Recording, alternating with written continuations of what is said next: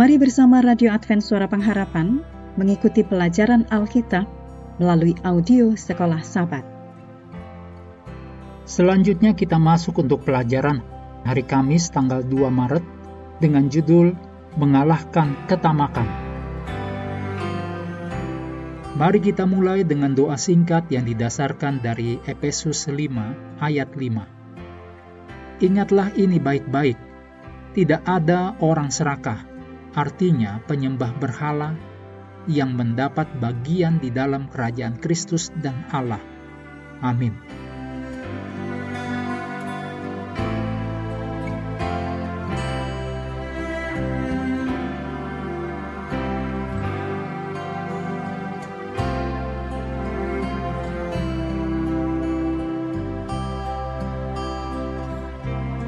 Ketamakan adalah satu perkara hati, dan sama seperti kesombongan serta cinta diri, sering tidak terdeteksi.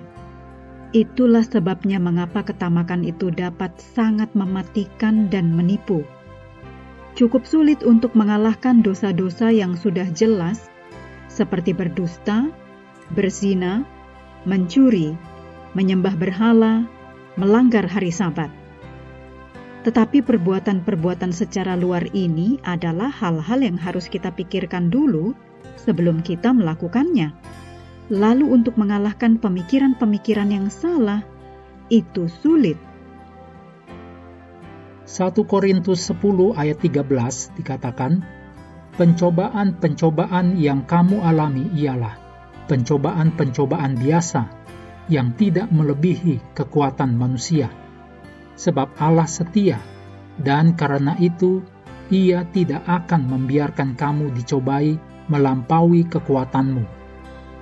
Pada waktu kamu dicobai, Ia akan memberikan kepadamu jalan keluar, sehingga kamu dapat menanggungnya. Ini adalah janji yang begitu penting untuk kita mengerti dalam konteks ketamakan.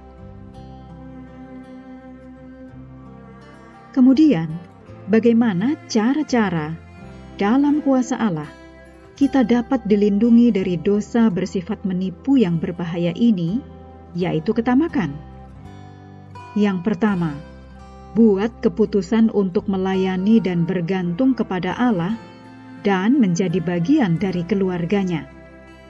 Yosua 24 ayat 15 menuliskan, Pilihlah pada hari ini kepada siapa kamu akan beribadah, tetapi aku dan seisi rumahku, kami akan beribadah kepada Tuhan.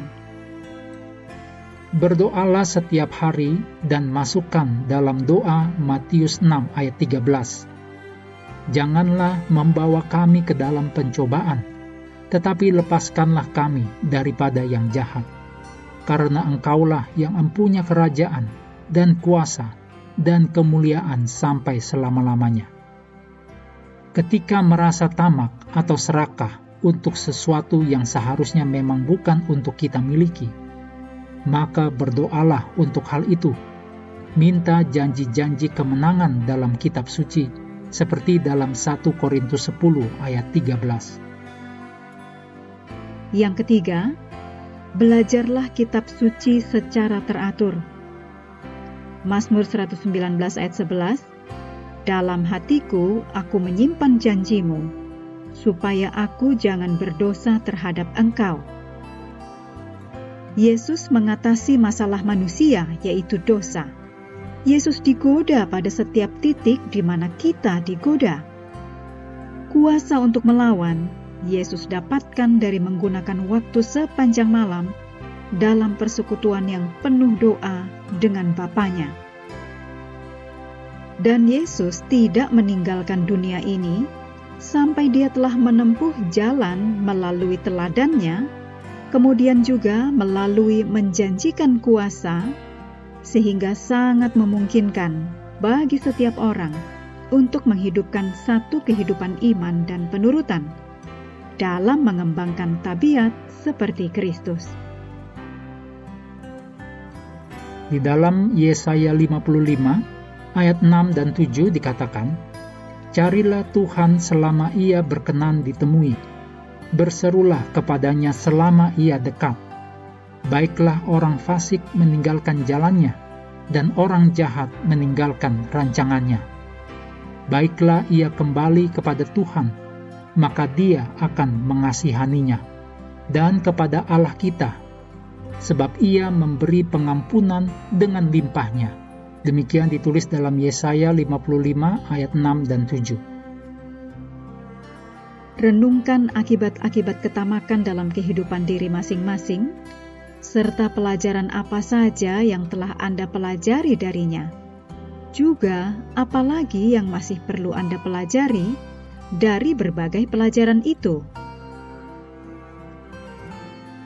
Mengakhiri pelajaran hari ini, mari kembali ke ayat hafalan di dalam Lukas 12 ayat 15. Berjaga-jagalah dan waspadalah terhadap segala ketamakan, sebab walaupun seorang berlimpah-limpah hartanya, hidupnya tidaklah tergantung daripada kekayaannya itu. Kami terus mendorong Anda untuk mengambil waktu bersekutu dengan Tuhan setiap hari, baik melalui renungan harian, pelajaran sekolah sahabat, juga bacaan Alkitab sedunia percayalah kepada nabi-nabinya, yang untuk hari ini melanjutkan dari Esra pasal 10. Tuhan memberkati kita semua.